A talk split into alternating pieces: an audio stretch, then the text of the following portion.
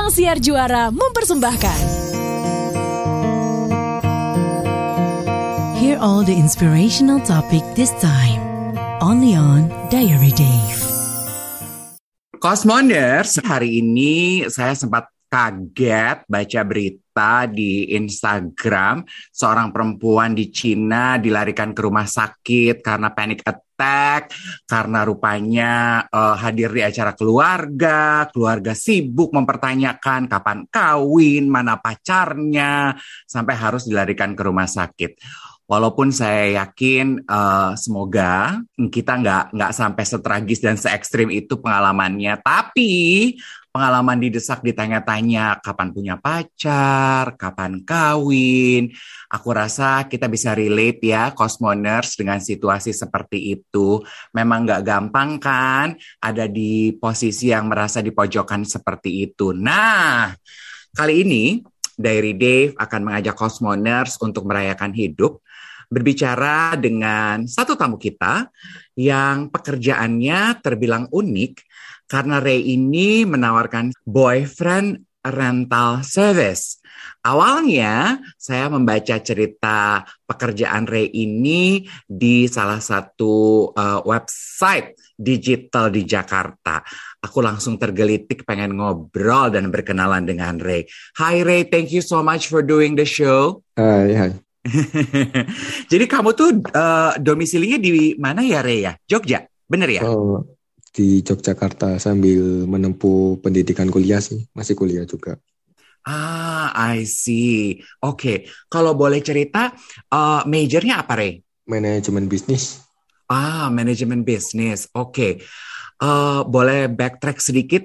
Gim sudah berapa lama kamu uh, melakukan pekerjaan kamu uh, boyfriend rental service ini, Ray? Untuk membuka jasa yang lebih komersil ini kurang lebih awal tahun ya, kira-kira bulan Februari.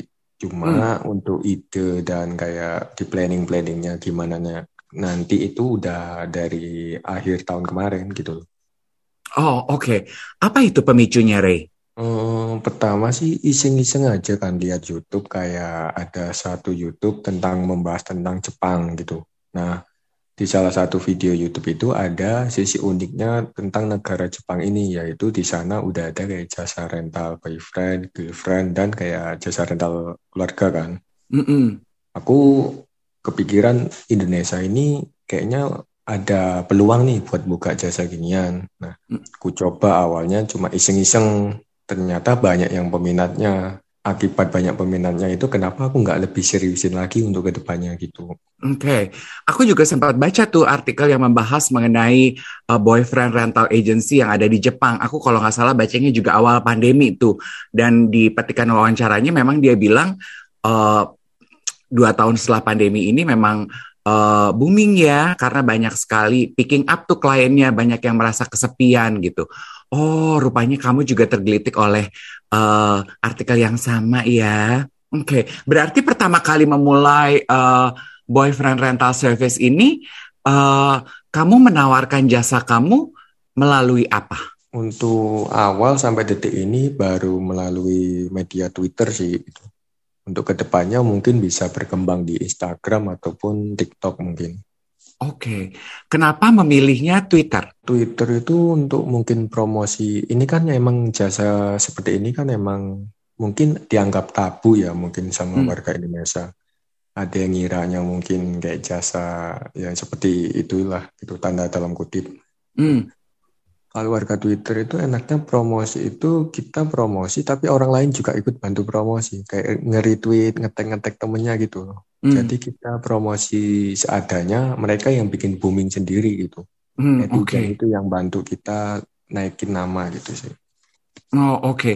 berarti client base kamu yang terbina selama ini purely by Twitter awalnya, terus kemudian bergulir word of mouth? Ya benar. Pernah buka di Instagram, cuma emang untuk respon netizen di Instagram itu agak beda sama Twitter. Mungkin Twitter lebih open banget ya kayak lebih kayak berpikir dewasa mungkin kalau Instagram itu kita sering dapat teror yang kita dianggap kayak kafir haram gitu usaha kita kayak gitu loh bahkan ya hmm. emang ini murni jasa gitu loh sejak hmm. saat itu udah diputuskan memang untuk buka di Instagram jangan dulu gitu loh di Twitter aja gitu sih. Ah, ini menarik ya. Rupanya respons uh, warga Twitter itu jauh lebih terbuka dibandingkan oleh para pengguna Instagram gitu ya, Rea? Iya, benar. Oh, oke. Okay. Uh, berarti uh, yang aku ingin tahu apa aja sih yang ditawarkan oleh boyfriend service uh, kamu ini, Ray? Boleh cerita nggak? Oh, boleh, boleh.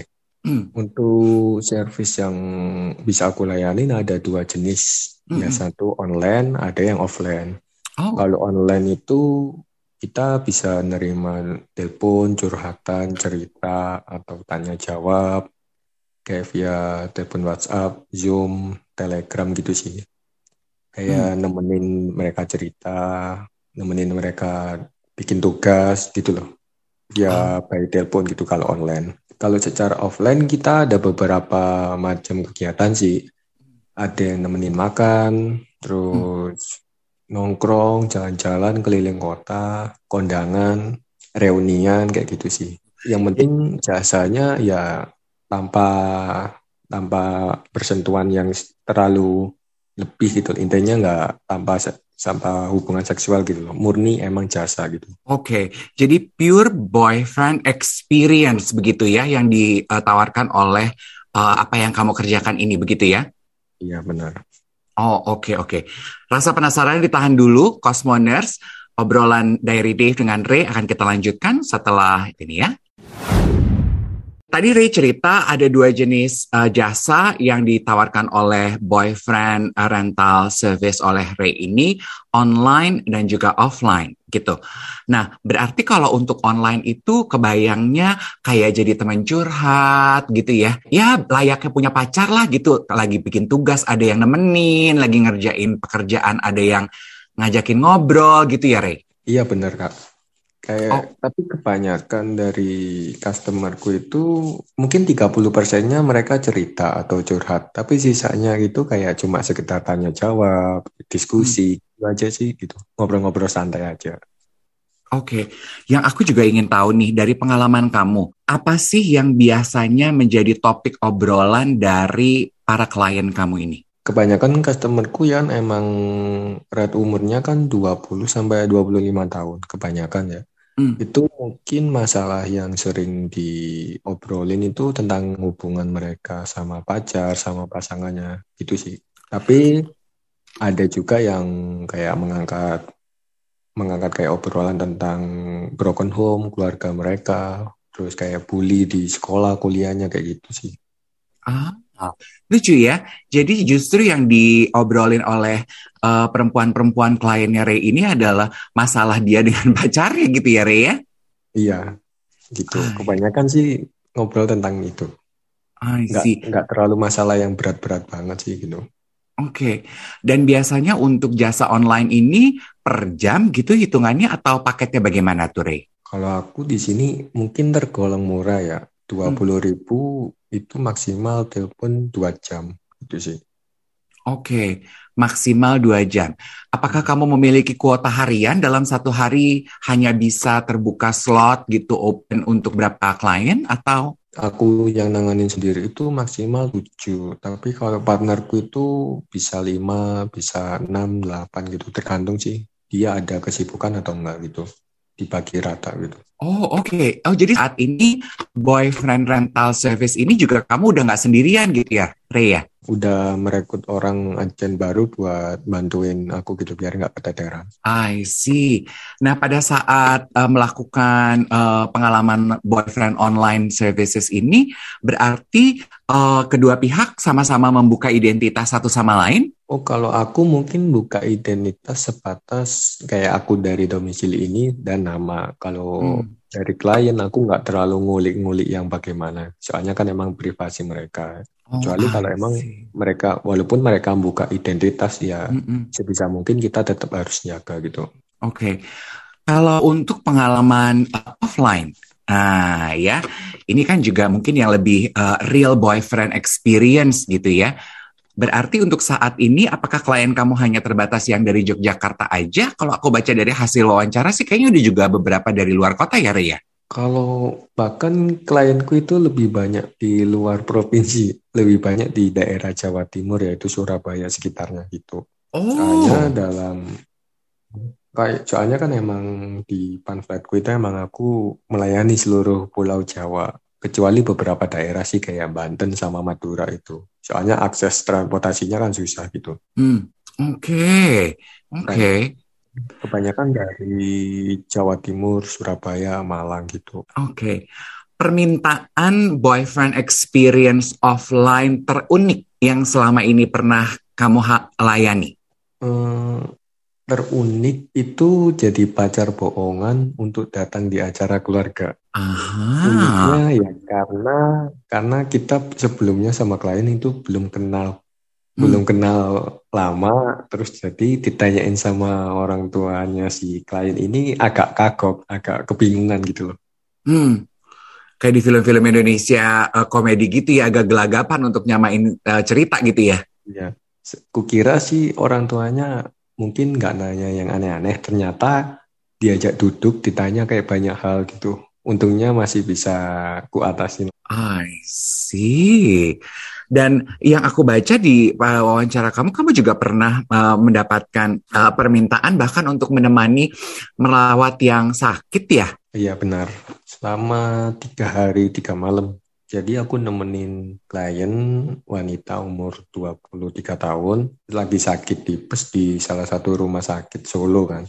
Hmm. Jadi selama saya nemenin emang karena keluarganya sibuk sibuk kerja kan, dia mungkin keluarganya datang cuma sesekali kayak sejam dua jam gitu, selebihnya ditinggal pulang ke rumah. Jadi selama tiga hari itu saya nemenin dia dan tidur di rumah sakit itu di kayak sofanya itu makan gue suapin, dia minta buah ku cariin di terdekat rumah sakit gitu, nonton YouTube gitu, aku aku pegangin HP-nya, dia mau ke kamar mandi, aku gendong gitu sih. Hmm, a truly boyfriend experience aja gitu ya, sesuai dengan kebutuhan uh, klien apa pun situasi dan kondisinya gitu ya, Ray ya? Iya, mau request apa pun nerima kok gitu. Oke, apakah ada batasan dari permintaan klien yang kalian punya sebagai patokan? Eh, untuk batasannya sih mungkin dari sentuhan sih itu. Oke. Kayak pegangan tangan atau pelukan mungkin udah apa ya mentok di situ aja. Kalau lebih kita nggak bisa gitu loh. Oke, jadi hanya sampai di pegangan tangan dan pelukan. Nah, mulai kebayang tuh ya, Cosmoners ya. Memang uh, non-sexual interaction memang betul boyfriend rental service ini. Oke, kita lanjutkan sesaat lagi Diary Dave. Cosmoners, obrolan kita dengan uh, pemilik boyfriend rental service, Ray. Tentunya nama samaran kita lanjutkan kembali di Diary Dave. Tadi Ray baru saja menceritakan batasan sentuhan fisik yang dipegang menjadi pakem uh, dalam pemberian servisnya dia ini. Hanya sebatas pegangan tangan dan pelukan aja gitu ya.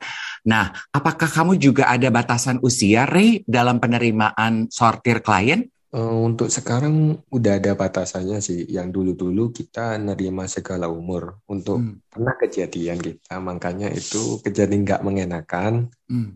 Kayak aku yang datang untungnya bukan temanku yang offline itu.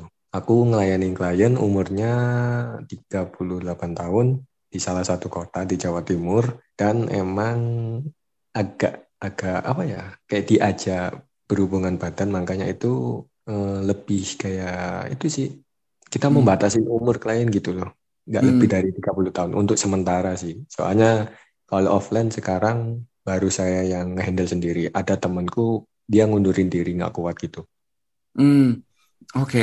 Eh, dalam situasi itu berarti eh, gimana tuh cara kamu menjelaskan ke klien bahwa sebetulnya service yang kalian tawarkan nggak begitu gitu? kalau emang mereka udah kayak menjurus ke hal seperti itu ya kita jelaskan baik-baik. Hmm. emang kita nggak bisa. Kalau emang dengan cara kita jelasin baik-baik nggak bisa ya udah kita tinggal gitu aja. Soalnya sebelum datang biasanya kita kasih Hmm. tahu apa yang boleh apa yang enggak misal klien melanggar ketentuan kita berhak kayak mengakhiri acara itu kayak di hari itu gitu. Walaupun belum jamnya ya udah gitu loh. Itu udah ditanggung klien. Soalnya udah melanggar peraturan ketentuannya Hmm, Oke, berarti untuk uh, temu janji offline, apakah ada batasan waktu juga dari tiap service yang ditawarkan? Misal contoh kegiatan nonton, makan, keliling gitu, maksimal 8 jam gitu. Berarti kalau untuk uh, jasa luar kota, akomodasi dan transportasi juga ditanggung oleh uh, kliennya gitu ya, Ria? Iya, untuk akomodasi, fee bensin gitu ditanggung klien. Hitungannya nanti tetap kayak satu pembayaran nanti nggak ada pembayaran lagi gitu loh. Hmm. Nah untuk makan itu kita bisa split bill kok. Yang penting nggak di resto mahal. Soalnya takut fee-nya kita kepotong banyak atau kayak minus gitu loh. Oke, jadi bisa didiskusikan sebetulnya ya? Ya bisa dinego harga juga. Tergantung budgetnya klien ada berapa. Oke, apa yang uh, Ray pelajari dari pengalaman uh, melakukan uh, boyfriend rental service ini selama kurang lebih dua tahun ini, Ray? Apa ya, yang aku pelajarin mungkin tiap orang butuh teman ngobrol. Gak bisa hidup sendiri. Pasti butuh teman buat nge-support dia di dalam masalah. Kayak kesedihannya gitu sih. Rata-rata emang yang butuh jasaku ini emang dia kayak di fase terpuruk, nggak ada support system dari teman atau keluarganya gitu loh buat sekedar ngobrol, sekedar dengerin mereka cerita gitu sambil makan atau keliling kota gitu. Wow, amazing ya Cosmoners ya. Bahwa memang betul uh, memiliki support system seperti yang diakui Ray adalah kebutuhan dasar kita tuh sebagai manusia sosial gitu ya Ray ya. Iya benar. Hmm. Uh, apa caranya untuk bisa cepat akrab dengan orang yang baru kamu kenal Ray? Untuk offline biar kita akrab pas ketemu itu sebelum hari H itu kita kayak ada sesi ngobrolnya dulu. Tiga hmm. sampai dua hari gitu loh. Kayak ngobrol dulu kita tanya-tanya. Biar nyairin suasana. Pas ketemu nggak terlalu kaku-kaku amat. Kita udah kenal. Kita oh. Jadi sebelum bertemu temu janji offline ada proses uh, pendekatan yang dilakukan beberapa hari sebelumnya gitu ternyata ya Ria? Iya. Oke. okay. Apakah teman-teman kamu atau uh, lingkungan kehidupan dekat kamu mengetahui dengan pekerjaan yang kamu lakukan ini, Rey? Atau kamu sangat kamu juga menjaganya confidential? Hmm, kebetulan ini emang Rey ini kan bukan nama palsu, cuma nama depanku ya. Ah. Nah, ada salah satu artikel kemarin yang terbit itu kan mencantumkan jurusan dan nama universitas. Jadi beberapa temanku agak yang ngeh gitu ya sangat disayangkan artikel yang terbitnya terlalu rinci banget gitu loh. Ada ah. beberapa temanku yang ngeh kalau keluarga belum. Oke, okay. nah uh, if you don't mind me asking, teman-teman yang ngeh itu apakah do they confront you about it atau? Untuk respon mereka sih biasa aja ya, karena hmm. emang apa ya mungkin dianggap mereka ya emang fokus nyari uang tambahan buat kuliah atau bagaimana gitu sih. Hmm, Oke, okay. tapi semenjak peristiwa itu aku yakin kamu jadi lebih berhati-hati dalam uh, melayani undangan wawancara dan juga membuka identitas diri ya. Iya, takutnya dipancing obrolan, keceplosan nama salah satu universitas nanti diterbitin lagi gitu loh. Iya, iya, iya. Paham, paham, paham, paham. Itu sebabnya ketika kita janjian sama Hana, produsernya Diary Dave, uh, kita cuma pengen tahu insight-nya aja kok. Kita juga menghargai uh, untuk menjaga kerahasiaan identitas kamu. Tapi at the back of your head gitu, kamu sudah menyiapkan nggak kalau nanti suatu waktu ada keluarga yang tahu gitu? Kira-kira apa yang akan kamu jelaskan ke mereka? Mungkin ku jelaskan kalau emang ini murni jasa gitu, hmm. soalnya orang awam gitu pasti ngiranya jasa seperti ini tuh dikiranya kayak ya penyewaan pria gitu loh. Di pikiran -hmm. orang awam kebanyakan kayak gitu. Tapi ku kalaupun nanti keluarga tahu, ku coba jelaskan kalau emang ini murni jasa, kita kayak ngasih experience ke orang murni sebatas itu, nggak lebih gitu. Oke. Okay. Oke, okay. abis ini aku mau tanya sama Ray. Setelah menjalankan selama dua tahun, terus melihat perkembangan bisnis, namanya bisnis, kalau ada peluang perkembangan untuk digedein, pasti kan orang gatal dong pengen ngegedein. Apa sih rencananya Ray untuk boyfriend rental agency ini? Stay with us. Boleh langsung dijawab nggak Ray? Kan tadi Ray bilang bahwa yang kamu lakukan is just pure business. Ini adalah rental boyfriend, jasa gitu. Kan ini berjalan fruitful nih dua tahun pengembangan ke depannya, kira-kira kamu akan lebih agresif lagi nggak? Ada beberapa perkembangan, ada planning yang aku udah buat. Kemarin hmm. sempat wawancara sama orang kan, dia ada ide. Nah, untuk ke depannya mungkin bulan depan atau dua bulan lagi buka yang girlfriend karena emang udah ada beberapa agen yang udah kayak berminat kayak buka yang jasa buat cewek gitu loh. Hmm, oh kalau sekarang kan boyfriend rental agency, berarti ke depannya akan juga punya girlfriend rental agency gitu.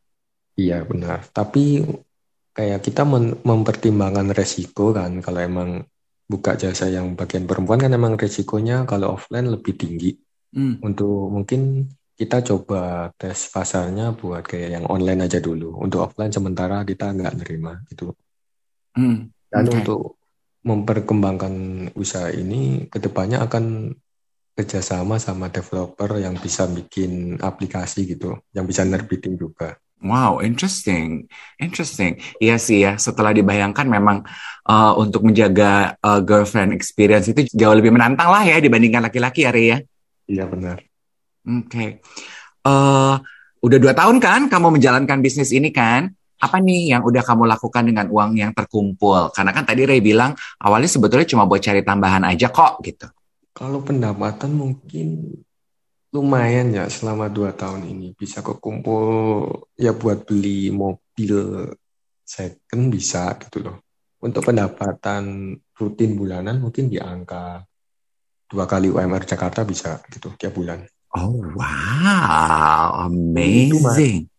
Tapi itu hitungannya masih kotor sih, belum dibagi hasil sama partner. Soalnya hmm. kita ramenya kan online itu mungkin eh, 20 orang tiap hari ya. Hmm. Sekarang makin rame, kalau offline itu hampir tiap hari ada. Tapi untuk kayak Senin sampai Rabu biasanya kita nggak ngambil dulu buat space buat kita istirahat gitu sih. Oh karena weekend biasanya uh, busy time untuk uh, agensimu ini? Iya benar. Oke, okay. boleh dibilang kan sebetulnya kamu foundernya nih dari Boyfriend Rental Service, ya dong. Iya. Uh, ilmu apa yang kamu ajarkan kepada partner kamu uh, untuk menjaga kualitas dan mutu yang sama gitu dengan service yang kamu berikan? Biasanya aku ngerekrut yang benar-benar niat ya. Kalau emang mereka benar-benar niat, itu kayak kita kasih tahu, kita ajarin sesuatu itu enak gitu loh. Mereka hmm. tetap hmm. mengikuti gitu. Soalnya yang ngajuin kayak mau gabung itu banyak Biasanya hmm. yang gue ajarin itu eh, anggap klien ini jangan kayak kita nyari uang, anggap aja itu sebagai teman kita sendiri ataupun sebagai kayak pasangan kita sendiri.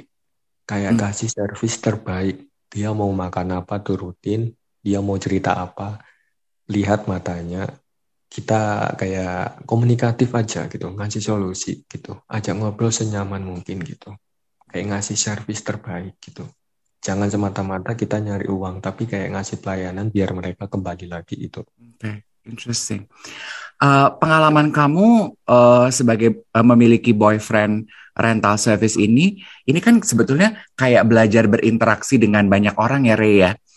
Uh, apakah itu merubah cara kamu bergaul dan berinteraksi dengan orang lain di dalam keseharian kamu, Ray? Kalau dari nggak nggak terlalu peng, nggak terlalu berpengaruh sih gitu. Soalnya hmm. ya kayak jasa ini ya kayak ngobrol sama temen biasa aja gitu. Nggak hmm. kayak terlalu formal-formal banget gitu. Mengikuti lah klien maunya ngobrol seperti apa gitu. Senyamannya mereka. Satu yang uh, pasti dari pengalaman ini kamu jadi belajar, uh, uh, jadi terpapar cepat akrab sama rupa-rupa banyak kepribadian orang ya, Rey ya? Iya benar. Oke. Okay. Ada nggak pengalaman uh, klien uh, ter-difficult yang beberapa klien mungkin akan lebih cepat akrab gitu. Ada nggak klien yang, aduh kok kayaknya susah banget sih akrab sama nih orang? Ada beberapa.